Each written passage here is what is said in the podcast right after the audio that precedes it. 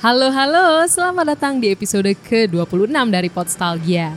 Jadi di episode ini kita akan membahas satu film Indonesia yang sebenarnya cukup baru tapi bisa dibilang cukup legendaris yaitu Marlina. Marlina si pembunuh dalam empat babak. Asik. Oke, kita dengerin dulu cuplikan filmnya. Lo orang mau apa ke sini? Ambil kamu uang. Semua kamu ternak. Kalau masih ada waktu, tidur dengko. Kita bertujuh.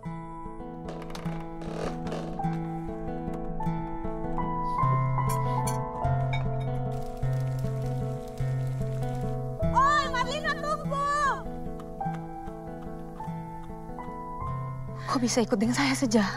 Kok bisa pergi gereja? Melakukan dosa. Saya tidak merasa berdosa.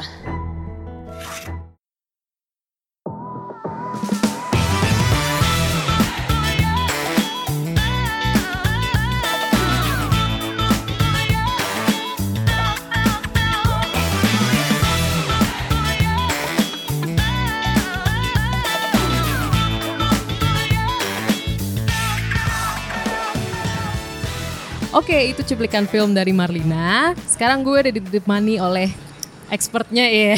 Waduh. gue udah ditemani oleh Kak Jiro. Halo Kak Halo, Jiro. Novi, apa kabar? Baik Kak. Jadi kita langsung aja nih, kenapa sih Kak Jiro pilih film Marlina ini? Film Untuk dibahas. Marlina. Betul. Film ini tuh film yang paling enak buat dibahas sebenarnya karena em, kalau menurut gue ya, menurut gue nih Hmm. eh, film yang paling lengkap untuk film Indonesia sejauh ini eh, dari segi naratif sama sinematografisnya itu yang rapi penggarapannya dan bisa dinikmatin sama semua orang. Semua ya. gitu ya. Mm-mm. Jadi ya semua dalam arti ya walaupun ada sensor umur ya tapi eh, karena dia memainkan banyak elemen yang bisa eh ya bisa dinikmati sama semua lah. jadi nanti kita bahas aja Iya, mungkin kenapa bisa semua orang karena walaupun misalkan itu kan banyak simbol-simbol mungkin ya. Iya. Walaupun kayak banyak unsur-unsur yang sebenarnya itu punya makna lain, tapi kalau kita nggak memikirkan unsur lain tersebut tetap enjoy untuk asik untuk betul ditonton. karena film ini menurut gua eh, dia bisa menjelaskan simbol-simbol itu jadi penonton yang cuman mau duduk anteng untuk ngeliatin simbol-simbolnya pun dimanjakan dengan visual yang sangat bagus Setuju, setuju. Iya, Uh-uh. Jadi mau visualnya bagus, audionya pun juga bagus sekali. Jadi enak lah untuk dibahas. Audionya menurut aku iya sih, aku audio walaupun ibarat dialognya simple, Hmm. tapi karena mungkin entah pengambilannya jernih juga kali ya. Iya. Jadi aku sangat terbawa sama suasananya sih. Betul, karena Apalagi- eh, dia elemen sinematografisnya ya, mau dari gambar sama musiknya, scoring musiknya, bahkan sampai heningnya pun itu kita bisa nikmatin. Jadi eh, dan kesinambungannya tuh misalnya kayak eh, ngelihat gambar yang terhampar luas di padang gurun apalah itu, tapi tiba-tiba ada, ada rumah di tengah-tengahnya, itu kita rasa ho- rasa terornya dapat teror dalam arti kesepian sendiri hening. Dan itu ditambah dengan audio yang hening juga. Betul. jadi ya simbol-simbol kayak gitu yang akhirnya penonton yang eh, tidak apa ya dalam arti bisa dikatakan yang bukan kritikus bukan penikmat film itu mereka bisa menikmati eh, elemen-elemen sinematografis yang bagus itu Iya iya, ibaratnya kalau kita nggak terlalu ngikutin cerita, tapi karena pengambilan gambarnya itu oke banget, jadi Iya. kita berasa dimanjakan tadi seperti Betul. yang Kak Jiro bilang. Tapi eh, ini kan keunggulan-keunggulan dari film ya. Iya. Kita bahas. Kalau menurut kakak ada nggak sih sebenarnya kekurangan yang cukup menonjol dari film ini? Oh, oke. Eh, jadi gini, kalau misalnya dari pertama gue mau ngomongin dulu eh, bagusnya film ini tuh di mana. Jadi eh, menurut gue ada beberapa scene-scene yang eh, bahkan shotnya pun se- sekecil shotnya itu bisa gue bilang mahal banget. Eh, Marlina mahal dalam arti gue gue belum menemukan pola ini di film-film Indonesia lainnya. Belum, mungkin entah gue yang nggak tahu atau gimana. Tapi sejauh ini ini gayanya sangat festival kayak film-film Eropa.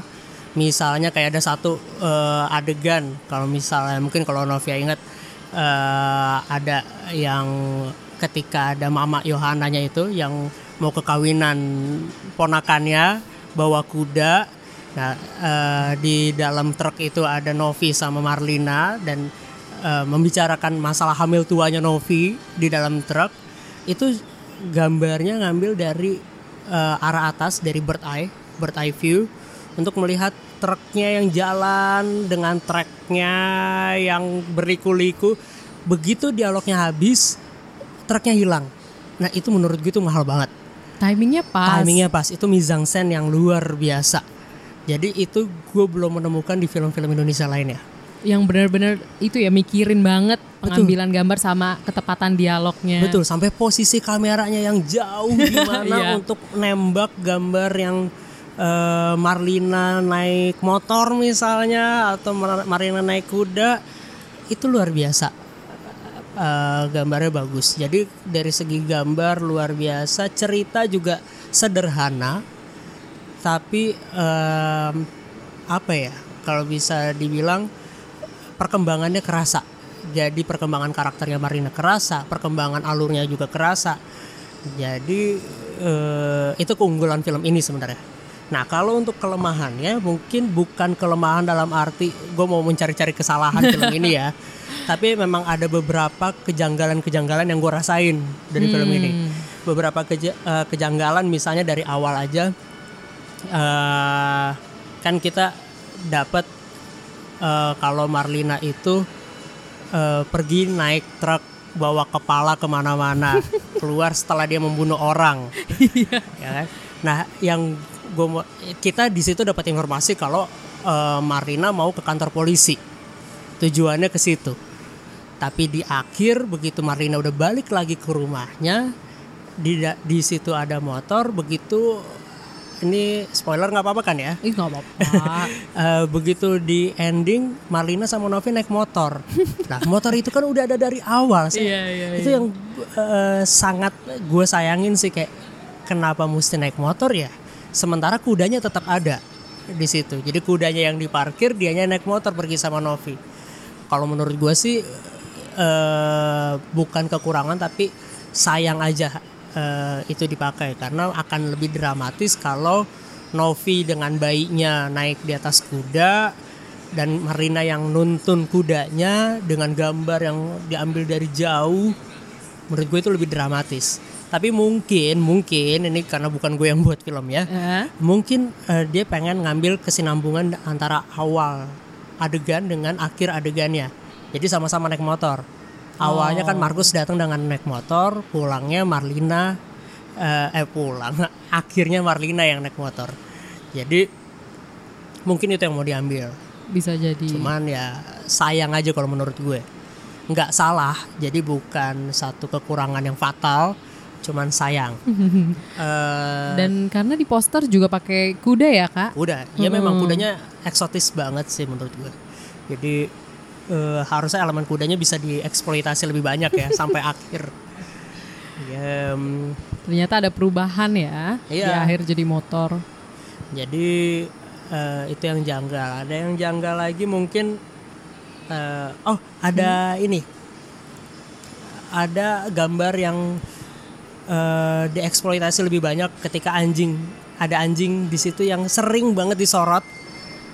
Tapi terus hilang maknanya. Saya eh, jadi saya. Eh, itu yang gue gue tanya terus seben- sebenarnya sepanjang film. Ini anjing gunanya buat apa? Kenapa menjadi janggal? Karena porsinya lumayan banyak anjing itu disorot dan eh, close up ke anjing bukan close up tapi fokus ke anjing itu. Bahkan ada satu frame ada satu shot yang sering kali anjing itu berdiri sendirian. Apakah mau menunjukkan kesendiriannya, simbol apa yang ingin diberikan? Gue juga nggak tahu.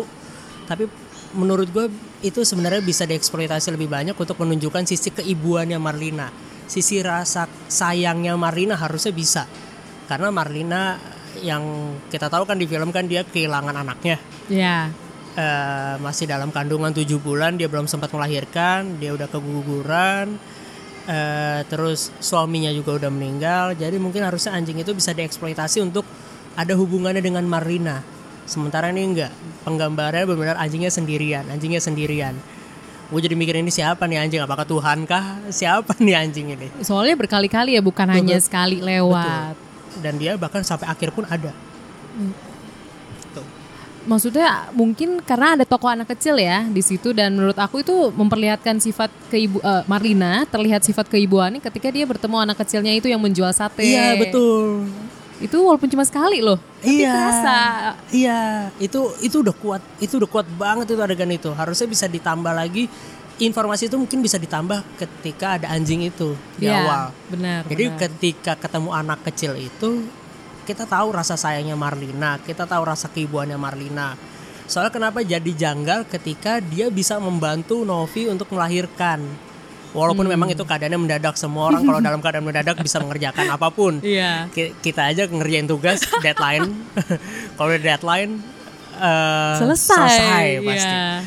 nah eh, mungkin itu yang jadi eh, agak sedikit miss Marlina bisa setenang itu membantu persalinannya Novi padahal dia tidak punya pengalaman sama sekali tentang melahirkan Eh, ya harusnya bisa lebih banyak digali dari situ sama satu lagi yang penting yang agak janggal juga Marlina nyimpen eh, apa sih itu buah atau tanaman atau apa yang jadi racun untuk untuk meracuni eh, Markus dan teman-temannya itu. Di bagian awal di ya. bagian awal nah yang yang jadi janggal di gue adalah kenapa Marlina nyimpen racun di meja riasnya di dalam kamar motivasinya apa dia nyimpen racun di situ apakah dia tahu kalau dia akan diperkosa suatu saat Hmm, di yang rumahnya lagi. Di rumahnya lagi. Yang jelas itu bukan untuk suaminya. Yang kita tahu dia sangat sayang sama suaminya, dia Iya. sangat rindu sama suaminya. Kayak, itu eh, kok janggal ya? Iya, padahal kalau misalkan parang kita nggak heran ya karena kan mereka kan ayam itu motong sendiri, kita bisa lihat kayak ternak dia motong sendiri. Cuma kalau racun kenapa tiba-tiba ada? Betul. Em, Kalau ya mungkin ada lagi yang eh, bikin janggal Hmm. waktu eh, Marina sama Novi pipis. Mm-mm. itu adegan yang menurut gue ya keberuntungannya Marlina karena ketika dia pipis eh, Franznya datang membajak truknya Iya. itu nggak apa-apa lah untuk sebuah film selayaknya film superhero dengan ini superhero perempuan eh, menurut gue pola itu nggak apa-apa tapi yang jadi janggal adalah ketika mereka pipis kan ada dua kuda di dalam truk itu yang menjadi maharnya si ibu-ibu si mama kalau Yohan. nggak salah namanya Yohana Ya. Mama Yohana itu eh, dia bawa dua kuda untuk mahar keponakannya. Nah, eh, ketika pipis kenapa yang diturunin kudanya cuma satu? yang satunya tetap ada di truk. Jadi ketika truk itu dibajak eh, satu kudanya ke bawah di truk, satu kudanya ada di rumput. Iya. Yang akhirnya bisa dipakai sama Marlina.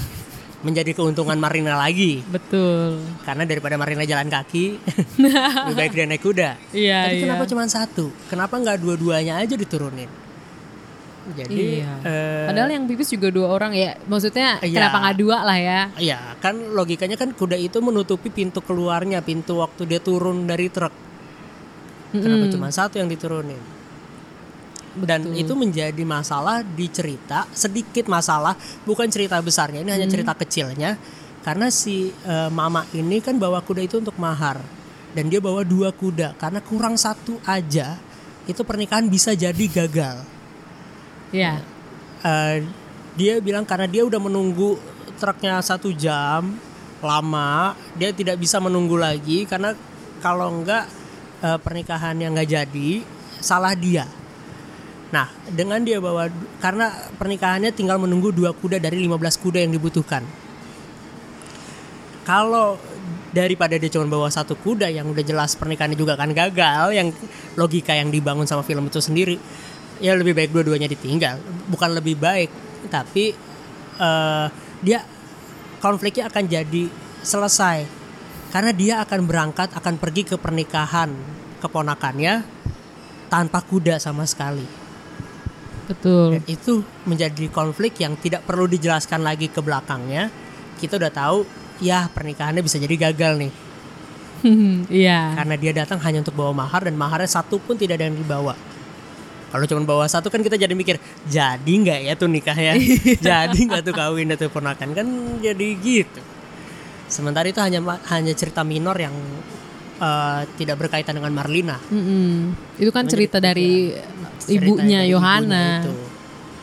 Terus eh, ngomongin ketika adegan pipis, aku jujur takut banget sih di adegan itu karena kalau dari sudut pandang kameranya tuh memperlihatkan kalau Marlina sama Novia tuh gede banget yang kemungkinan besar kelihatan dari sudut pandang si Franz. Si Frans. Karena dia cuma ketutup pohon kecil gitu loh kak. Iya iya. Tapi Tapi- Mm, tapi eh, ternyata tidak kan. Iya. Mm-mm. Mungkin satu keberuntungan Marlina lagi. Oh, keberuntungan Nggak, lagi. Tapi mungkin itu juga karena eh, didukung sama latarnya, karena latar eh, sumbanya yang luar biasa bagus dan eh, mungkin itu jadi melihat apa ya semacam berada di tanah yang liar di daerah di daerah yang liar yang Hmm. eh, walaupun itu terhampar kosong begitu tapi eh ya mungkin ya memang memang tidak terlihat kalau gue sih ngeliatnya emang nggak kelihatan ya Emang gak kelihatan. emang nggak kelihatan karena susah akan nyaru ngelihatnya kalau ngelihat jarak jauh begitu Hmm. Em, jadi mungkin yang lebih menakutkan sebenarnya bukan di situ tapi lebih menakutkan ketika Marlina ditinggal sendiri Kenapa Di bagian kan? mana Di tuh? bagian itu. Begitu Oh. habis pipis itu akhirnya semuanya sepi. Gambar yang selama ini dibuat dengan hening-heningnya itu jadi eh, jadi menghantui Marlina apalagi di adegan itu ada hantunya keluar. Iya. Oke, itu benar-benar Ada adegan- sosoknya. ada sosok hantu. Ada suaranya Ya, yang dengan suara yang mengganggu, Mm-mm. mengganggu in a good way ya. Iya. Mengganggu yang karena membekas Betul. jadinya. Jadi penonton dengan alunan gitarnya itu yang menyebalkan itu, kita langsung tahu wah ini hantunya keluar nih, wah ini hantunya keluar. Padahal latar musik latar utamanya juga banyak ya pakai gitar, tapi walaupun itu musik dari hantunya itu simple Iya. gitar, tapi kita tetap teringat. Betul. Dan itu gue salut banget karena baik dari audionya bagus untuk menu- menunjukkan sosok hantunya, sama dari visualnya, main visual efeknya itu bagus banget, Nov.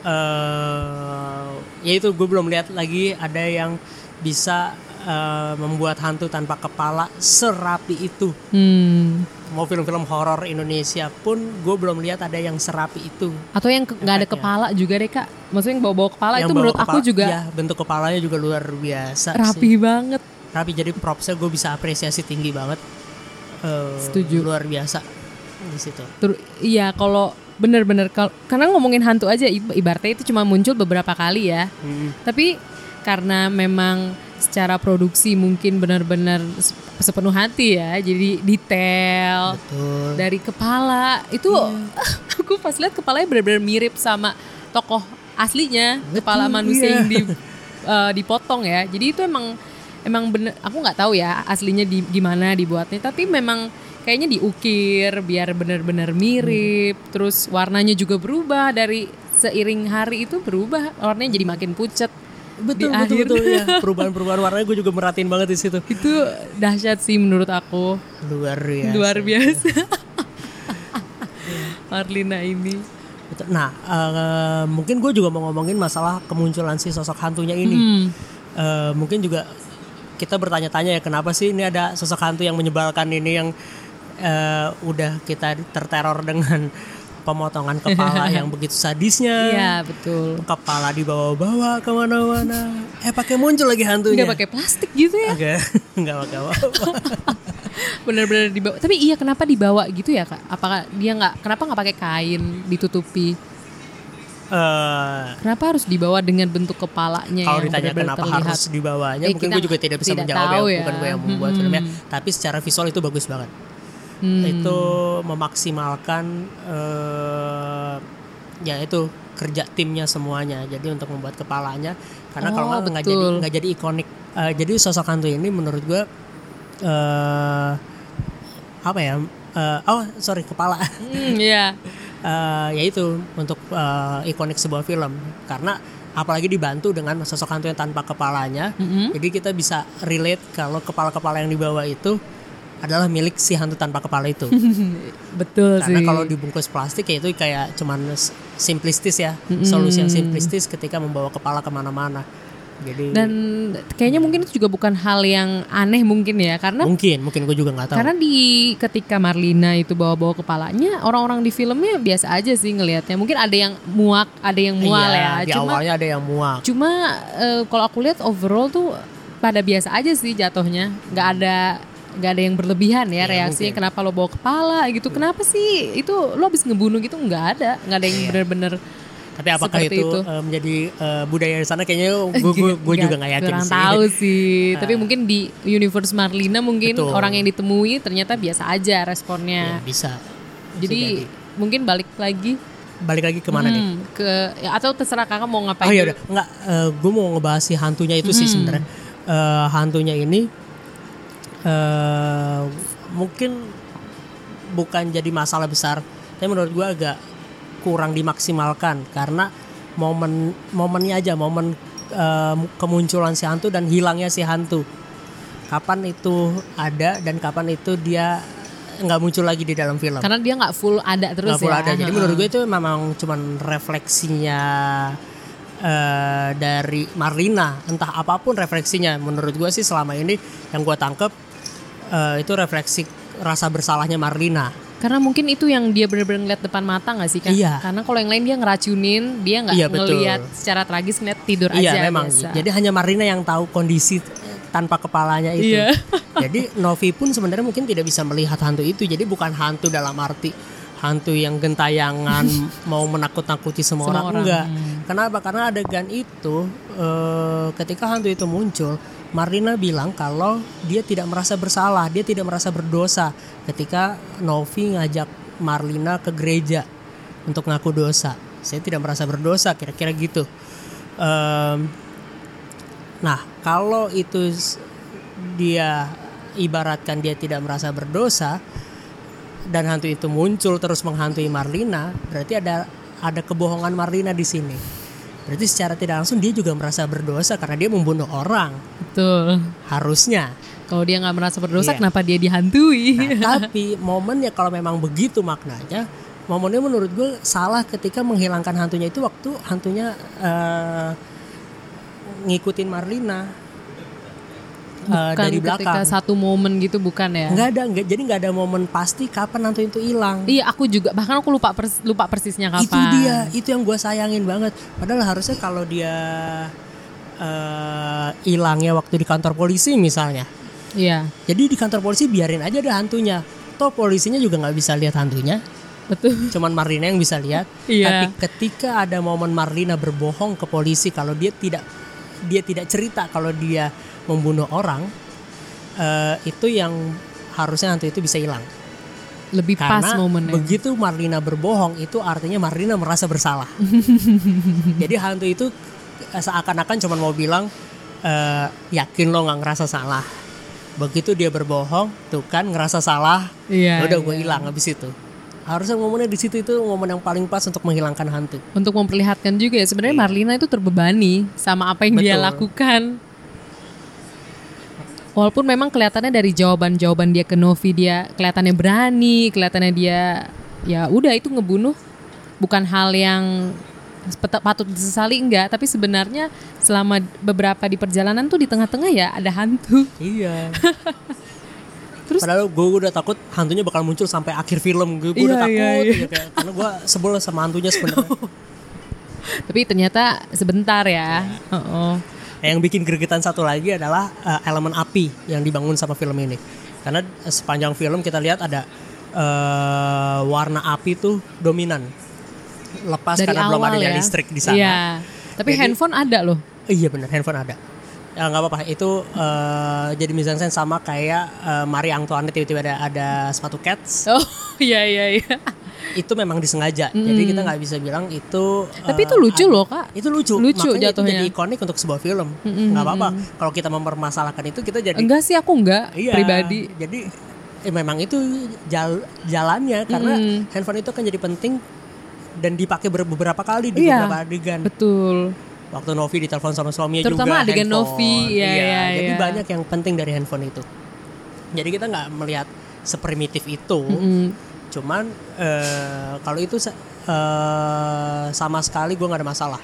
Tapi yang yang gue sayangin adalah elemen api yang dibangun beberapa kali, mulai dari dari lampu pijarnya dinyalain, bahkan sampai di akhir pun Novi nyalain lampu pijarnya sendiri dari gelap dinyalain api terus terang itu luar biasa.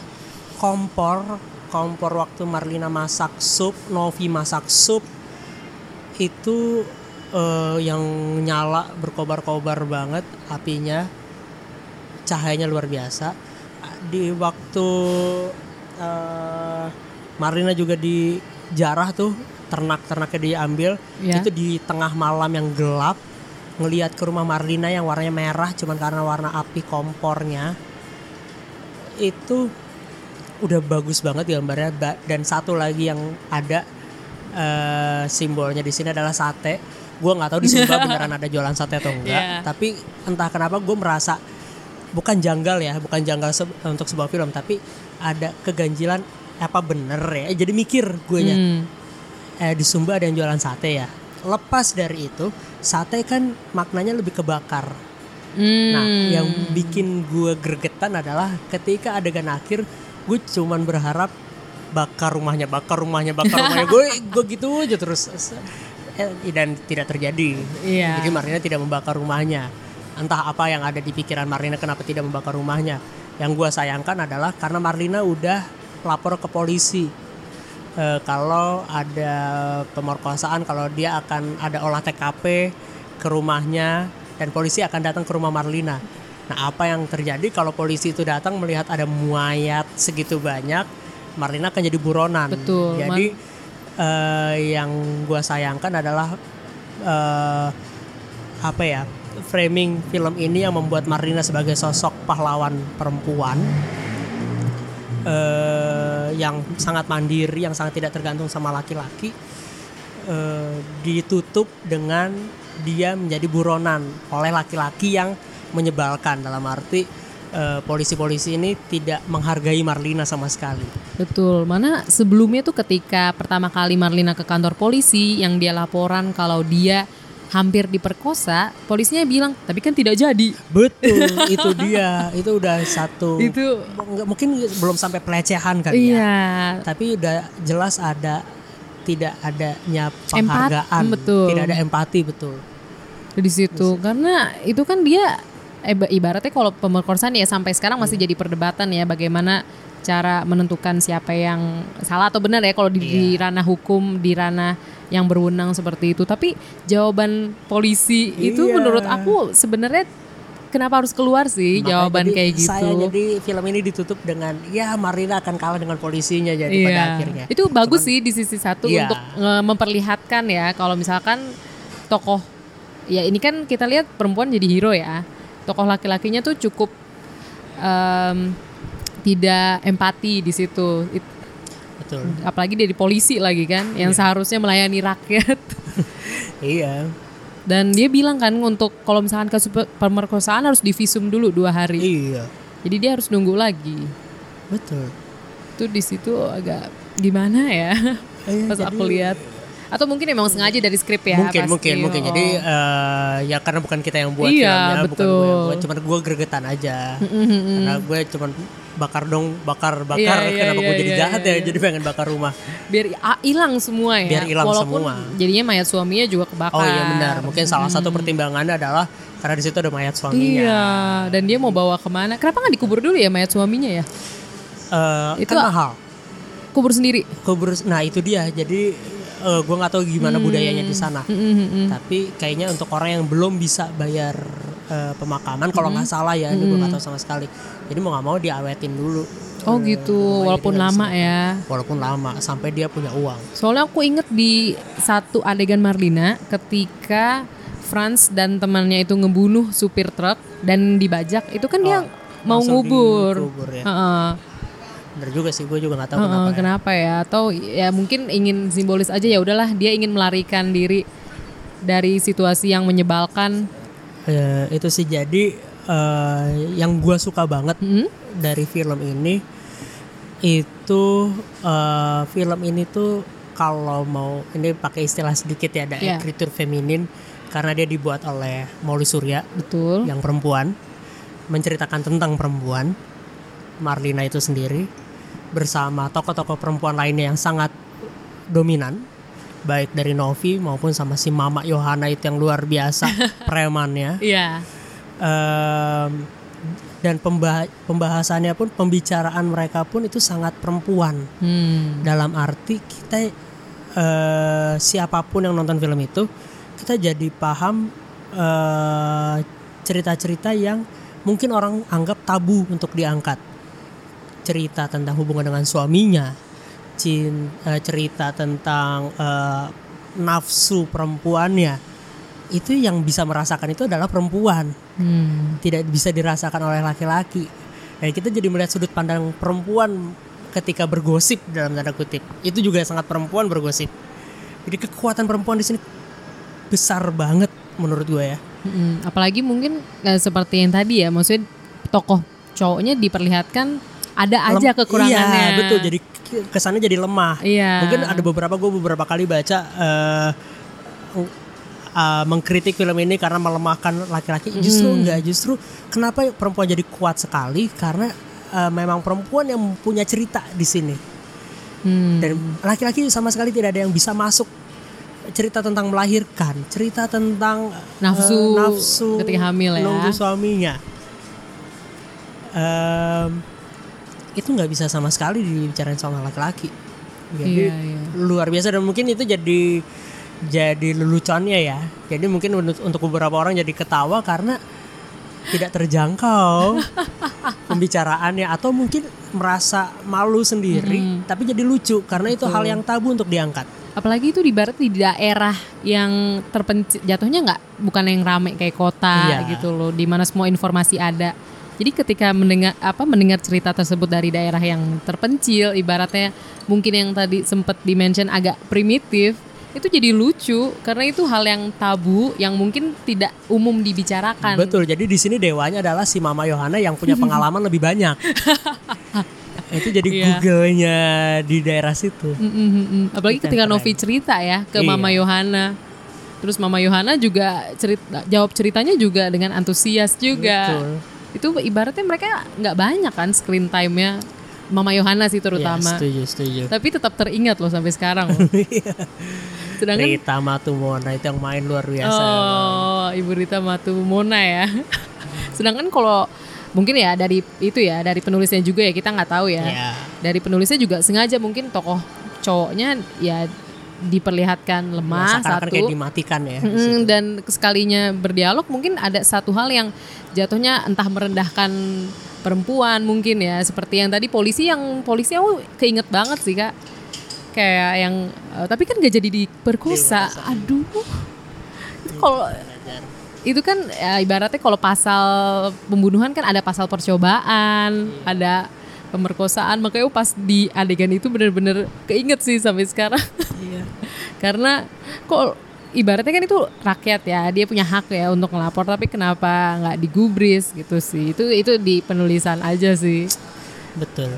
tapi efeknya ke bawah sampai sekarang walaupun singkat ya itu hebatnya Emang Dahsyat. film ini banyak sekali adegan yang menurut gue sangat memorable ya. hmm, Jadi itulah yang eh, bikin menurut gue film ini bisa dibahas sampai kapan pun. Film ini sejauh ini menurut gue jadi salah satu film terbaik in- yang Indonesia punya. Eh, dan gue juga salut sama Molly Suryanya karena sebelumnya juga filmnya Molly Surya gue suka banget. yang What They Don't oh, Talk About. When, kalau When They fiksi Talk About Love.